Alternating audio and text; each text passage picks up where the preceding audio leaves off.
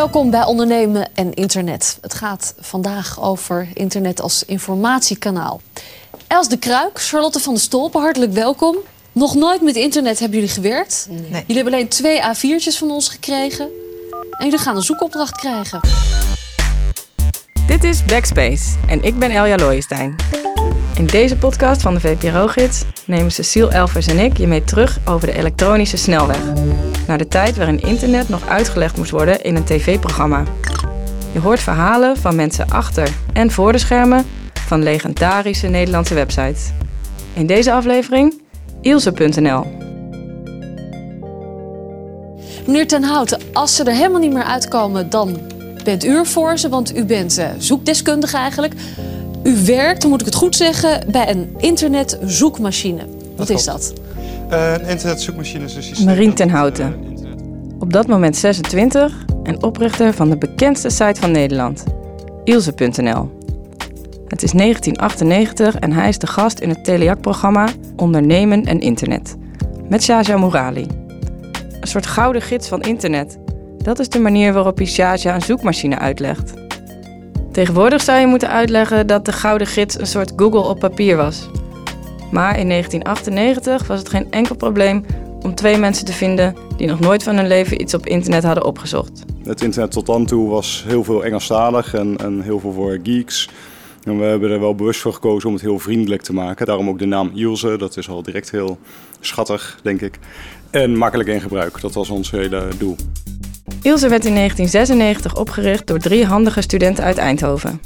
Robert Klep, Wiebe Wijkamp en Marien ten Houten dus. De naam is een afkorting van Interlink Search Engine. Vernoemd naar de Eindhovense Informatica Studievereniging.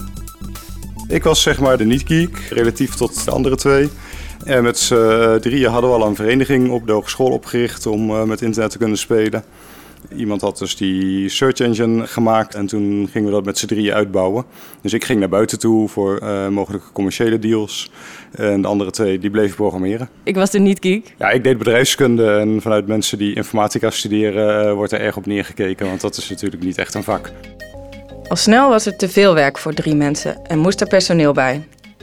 De eerste werknemer was Mark Oldsheim, een studievriend van de oprichters. Hij was 21 en studeerde nog. Omdat het toch te leuk was om, eh, om het niet te doen. En in de praktijk was ik toch al meer dan 40 uur in de week eh, eigenlijk aan het werk. Ik denk, ja, daar kan ik er net zo goed gewoon mijn, eh, mijn baan van maken. En je studie? Die heb ik dus niet afgemaakt. Nee. Marien zag commerciële mogelijkheden door adverteerders aan de zoekmachine te binden. Ik zag wel dat het een enorme impact ging hebben. Eh, precies hoe en hoe snel en welke kant op, eh, dat wist ik nog niet. En het was in het begin ook af en toe best moeilijk. Dan gingen we advertenties verkopen. Dus dan ging je naar een bedrijf toe, zeg je, wilt u adverteren? Wat is het? Internet. Eh, die bedrijf moest eigenlijk nog eerst een webpagina hebben voordat je kon gaan uitleggen wat een banner was en dat je op die manier kon adverteren. Dus daar was heel veel missiewerk bij. En nog lang niet iedereen snapte welke kant het op zou gaan. Maar de programmeurs hadden een heel ander beeld van internet. En het was zelfs ook zo dat de andere eh, werknemer bij Ilse die na mij kwam, zijn werkfans, die weigerde eerst om voor ons te werken, want hij wilde geen geld verdienen aan internet. Het was echt zo'n ideeel, eh, ja, een soort mini-samenleving. Iedereen eh, had van alles voor elkaar over, je kon overal zomaar bij. Als er gegevens waren waar je niet bij kon en die waren er wel, kon je gewoon vragen van hey KNMI, mag ik die gegevens? Dat was allemaal geen punt. Niemand wist toch hoe ze er geld mee konden verdienen. Dus als je een leuk idee had om er iets mee te doen, dan kon dat gewoon. Meer een soort eh, hippie-achtige cultuur, zeg maar, van iedereen helpt gewoon elkaar en informatie wil vrij zijn. Dus als er informatie is, deel het met zoveel mogelijk mensen. Alles was gewoon eh, gebaseerd op eh, het met elkaar verbinden van universiteiten en onderzoeksinstellingen eigenlijk.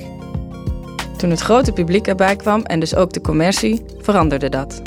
Dat was af en toe wel even, even lastig inderdaad om dat voor jezelf te verantwoorden in het begin. Maar op een gegeven moment eh, stap je daar gewoon overheen. Zeker als je ziet dat de rest van de commerciële partijen ook allemaal daarmee begint. Ilse werd al snel de populairste Nederlandse zoekmachine. Er stonden alleen Nederlandse sites op. Maar dat was voor veel beginnende internetgebruikers juist een voordeel. Omdat mensen het zo belangrijk vonden om daar bovenaan te staan, merkte je wel dat het gewoon een impact had. En eh, we hadden toen ook nog wel wat andere diensten. We hadden eh, vrij snel een Ilse Chat, omdat we ooit gewoon een eh, gastenboek hadden waar mensen met elkaar begonnen te praten in plaats van berichten aan ons achter te laten. En toen dachten we, nou dan bouwen we dat om tot een chat. Dat werd ook een heel groot succes. Er zijn zelfs baby's voortgekomen uit de Ilse-chat. Maar Mark kijkt liever naar cijfertjes. Helemaal in het begin was het wel van, uh, hey, we hebben 100 bezoekers per uur gehad. Dat was toen al veel. Ja, en op een gegeven moment waren het er gewoon uh, honderdduizenden per dag. Heel snel groeide dat zo hard dat je, je had geen tijd om daar verder naar te kijken. Op verjaardagen probeerden ze uit te leggen waar ze nou de hele dag en nacht mee bezig waren. Ja, in eerste instantie wist natuurlijk niemand waar je het over had, want niemand had nog internet. Dat begon dan later te komen van, oh, je werkt bij Ilse. Ja, dat was toch wel een heel erg bekend merk in Nederland, omdat het natuurlijk de eerste was. Ook die e-maildienst Dolfijn, daar waren ook heel veel mensen in de familie natuurlijk al vroeg bij. Je werd natuurlijk wel een beetje gepusht van, hey, hier kun je gratis e-mail, uh, probeer het maar. En als het niks is, dan kun je altijd nog zien. Het internet wordt elke dag drukker en drukker. Zodat je steeds minder goed weet waar je het zoeken moet.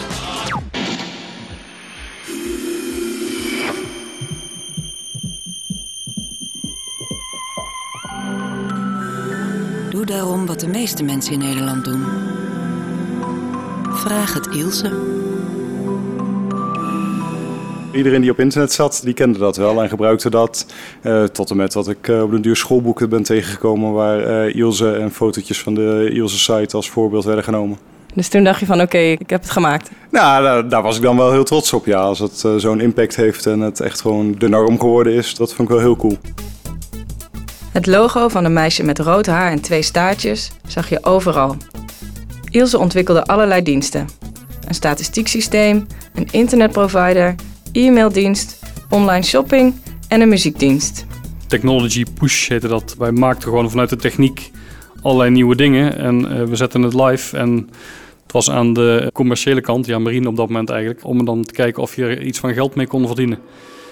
Dat kan tegenwoordig niet meer. Nu moet er echt een plan zijn en je moet van tevoren eigenlijk al wel weten dat er geld mee te verdienen is, anders begin je er niet aan. Wat we wilden was eigenlijk gewoon het hele internet voor Nederlanders zijn. Dus uh, daarom verzonnen we ook steeds meer diensten eromheen. Uh, het grote probleem van de zoekmachine is dat je uh, je best doet om mensen wegwijs te maken, maar ze dus ook zo snel mogelijk weer van je site afjaagt als je het goed doet. En we zaten daarmee te worstelen van hoe kunnen we het onderliggende waar mensen echt naar op zoek zijn ook aanbieden. Mijn naam is Ilse, Ilse de Jonge. En uh, de naam Ilse is bij mij altijd wel blijven hangen vanuit ilse.nl.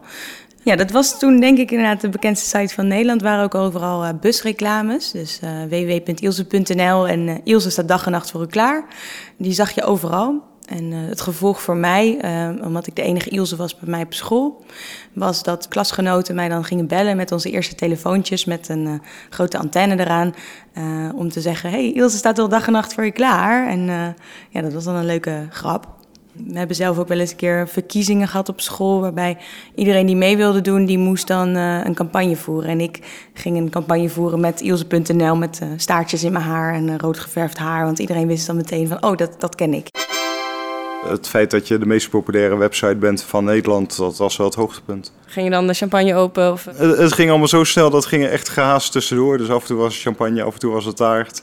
Af en toe juichte iemand als we uh, weer een grote advertentiedeal binnen hadden gehaald. Maar dat was ook al heel vrij vlot door naar de volgende stap. Work hard, play hard. Dat is het motto van de start-up wereld van tegenwoordig. Mark vertelt hoe dat eind jaren 90 was. Ja, we waren sowieso een vriendenclub, dus ja, de borrelen en uh, barbecues uh, van alles. Maar ook vanuit Ilse werd uh, al heel snel werden er allerlei dingen georganiseerd, uitstapjes. Op een gegeven moment zelfs een skitrip geweest, een beetje naar Terschelling, naar de Ardennen. er werd heel veel gekart. Ilse werd een echt bedrijf. Nou, op den duur kreeg je groeipijn. dat ligt redelijk specifiek ergens rond de 12 mensen. Daaronder kan je alles zonder hiërarchie en dan snapt iedereen waar de ander mee bezig is. En dan op de duur moest er toch iets van hiërarchie worden bedacht en procedures. En dat doet dan ook even pijn. Want dat... Heb je toen ook uh, blunders gemaakt? Ik heb uh, heel veel blunders gemaakt. dat was denk ik ook deel van de cultuur en waarom het ook goed ging. Dat we niet bang waren om blunders te maken. Dus uh, op het gebied van privacy hebben we een keer echt hele stomme dingen gedaan. Wat dan? Ja, we hebben wel eens verteld waar bepaalde doelgroepen naar zochten, terwijl we dat beter niet hadden kunnen vertellen. Dat weet Mark ook nog wel. In het begin heeft er iemand in een interview met de Telegraaf inderdaad iets van de logfiles van de zoekmachine uh, toen doorgespeeld aan de journalist. En die heeft dat toen gepubliceerd dat mensen die bij Philips werkten heel veel onder kantoortijd op porno aan het zoeken waren. en toen is er echt wel een uh, wat heisa geweest inderdaad. Ondertussen werden de aandelen van internetbedrijven heel veel waard. De dotcom-bubbel. Er was een periode dat partijen je belden met heb je nog geld nodig? Kunnen wij in je investeren? Terwijl ja, we hadden op den duur wel uh, investeringen aangetrokken. Maar daarna liep het ook goed, dus we zaten daar niet zo heel erg op te wachten. Wat voor soort wereldje was dat? Het was een uh, klein, zichzelf redelijk hip vindend wereldje dat vooral rondom Amsterdam zweefde. af en toe waren er hele leuke feesten en de Escape. Ja, op de duur was het echt gewoon heel raar. Waren er een soort fundingfeestjes en dat je een sticker op of je geld zocht of dat je geld had. Dat was wel echt op het hoogtepunt van de hype. Maar het was een klein wereldje en het was uh, best leuk om daar deel van uit te maken. Waarom waren dat rare feestjes? Het was allemaal nogal over de top, zeg maar. Het uh, is niet voor niks daarna ook gecrashed. Op papier was Marien toen al dik miljonair. En ook Mark leek aardig rijk te worden. Toen kregen alle werknemers ook opties op aandelen. En op een gegeven moment stonden die aandelen zo ontzettend hoog inderdaad... dat we er best rijk van hadden kunnen worden. Maar toen klapte de boel in elkaar en toen viel het allemaal nog een beetje tegen. Ilse gaat naar de beurs. Ga je mee? We hebben wel ook echt letterlijk een beursgang voorbereid. Dus echt met bankiers gesproken en een, team opgebouwd. Dus dat was ook wel raar om uh, daarmee bezig te zijn, zeg maar. En toen uh, ging World Online naar de beurs. En dat is toen falikant mislukt. En in Amerika gingen de koersen van de internetbedrijven ook onderuit. Dus toen was feitelijk dat over en was die deur dicht. Dus je had virtueel, uh, was je rijk eigenlijk? Ja, virtueel waren we even rijk. ja, klopt. En hoe voelde dat? Ja, dat maakte op zich nog niet zoveel uit. We waren gewend om uh, genoeg geld te hebben om rond te komen. En uh, ja, geld interesseerde mij toen ook nog niet eens zoveel. Ik weet dat Marine op een gegeven moment wel een... Uh, die kocht een Lotus, zo'n Engelse auto inderdaad. Maar verder is, heeft hij ook niks geks gedaan. Dus iedereen hield zijn kopje erbij. In juli 2000 werd Ilse overgenomen door VNU. Het leek een logische keuze. VNU was een grote uitgeverij die naast hun kranten en tijdschriften een digitale tak wilde oprichten, met Ilse.nl als stralend middelpunt. En Ilse had geld nodig om te investeren, want er waren steeds grotere servers nodig. Ineens stond Marien aan het hoofd van een bedrijf met 150 werknemers en 7 kantoren. VNU was toen echt een hele grote onderneming, heel gestructureerd, heel erg een corporate. En wij waren een stel uh, rebellen die er doorheen diepen. En dat paste lang niet altijd bij elkaar. Kun je daar een voorbeeld van noemen? Ja, wij maakten niet heel veel plannen. Dus we hadden een idee en dan maakten we een schets en dan uh, gingen we dat proberen. Hè. Dat heet nu agile, dat had toen nog niet zozeer zo'n term. En uh, binnen zo'n bedrijf moest je uh, een plan maken en dat moest langs een aantal managementlagen en dan moest er een, een marktonderzoek op. En dan kon je dat eens een keer proberen of niet. Maar dat, dat waren toch hele andere manieren van werken. Ik zeg niet dat onze manier per se beter was, maar uh, het was gewoon een cultureel verschil waardoor we elkaar niet altijd begrepen. De eigenwijze Marien paste niet in de nieuwe bedrijfscultuur. In maart 2001 zei hij Ilse vaarwel. Nou, ik ben behoorlijk eigenwijs en uh, dat kan heel voordelig zijn en het kan ook uh, erg tegen je werken. Het kan voordelig zijn als je echt iets nieuws wil doen, wil innoveren, dan moet je ook op den duur zeggen, dit is de kant waarvan ik denk dat de wereld opgaat, dus wij gaan die kant ook op. Ook al ziet nog niet iedereen het. Maar ja, als je uh, echt moet managen en, heel veel belangen binnenboord moet houden, dan is dat niet helemaal de methode. Explosieve situaties, ruzies? Nee, juist niet. denk ik mede omdat ik zag dat ik dat niet moest managen. Maar het was geen makkelijke periode. Voor jezelf? Nee, voor het bedrijf. Nee, zelf kon ik daar redelijk goed mee omgaan. Sindsdien leidde en adviseerde hij allerlei start-ups. Maar de zoekmachine is niet de enige erfenis van Marien. Ongeveer tegelijk met Ilse kreeg hij het idee voor een andere site, met nieuws.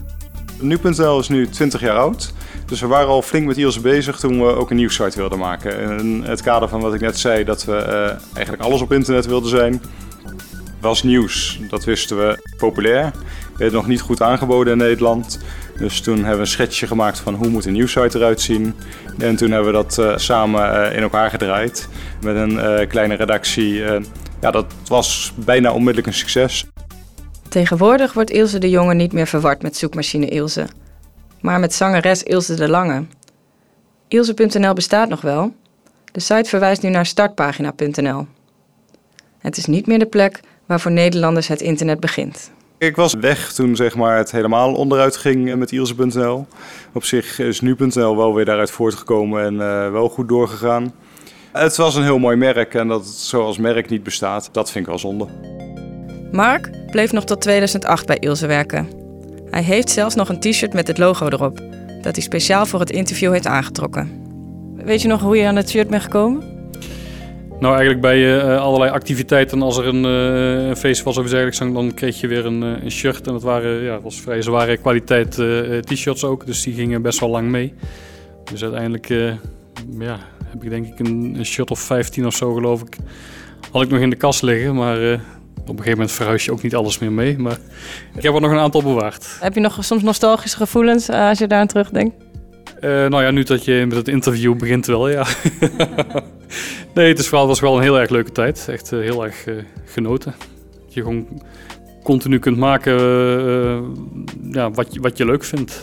En de dames uit ondernemen en internet? Ik ga kijken naar Els en Charlotte. De zoekopdracht was een motorreis in Amerika te vinden. Is het gelukt? ik heb al bijna geboekt. Nou, ik, ik vond tegenvallen. Ja, je weet dus helemaal niet van, ja, waar moet ik in godsnaam zoeken? Ja, toch wel eventjes mijn background gevraagd van ja, zit ik wel goed? Meneer Ten Hout bedoel je? Ja, ben ik uiteindelijk toch wel gekomen wat ik wilde weten. Ga je nu zoeken nu vaker op internet? Uh, ik denk het wel. Ja. Koudwatervrees is weg? Ja. Eigenlijk wel, ja. ja. Nou, dat is mooi. Dit was het voor vandaag. Onze aflevering van volgende week. Dat is een must voor elke ondernemer. En dit was Backspace. Deze podcast van de VPRO-gids werd gemaakt door Cecile Elfers en Elja Looijenstein. Eindredactie Remy van der Brand en techniek Alfred Koster. Wil je meer internetnostalgie? Luister dan ook de andere afleveringen over Lexa, Marktplaats en CU2. En kijk op vprogids.nl voor meer Backspace.